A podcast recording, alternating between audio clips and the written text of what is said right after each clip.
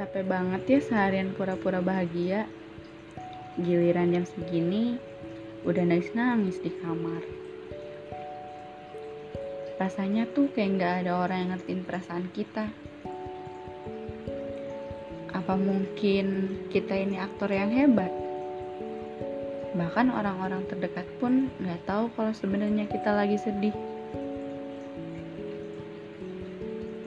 Kadang pengen banget bilang kalau aku tuh lagi gak baik-baik aja.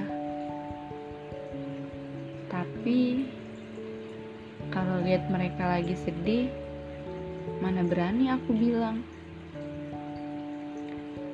Dan pada akhirnya pasti aku yang jadi tempat mereka buat cerita.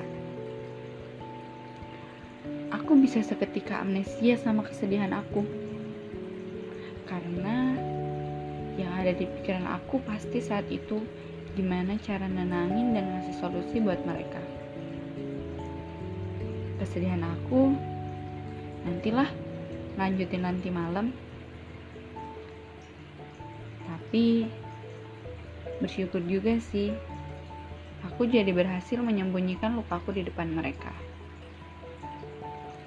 Dan buat kamu yang mungkin lagi ada di posisi aku juga, kuat-kuat ya.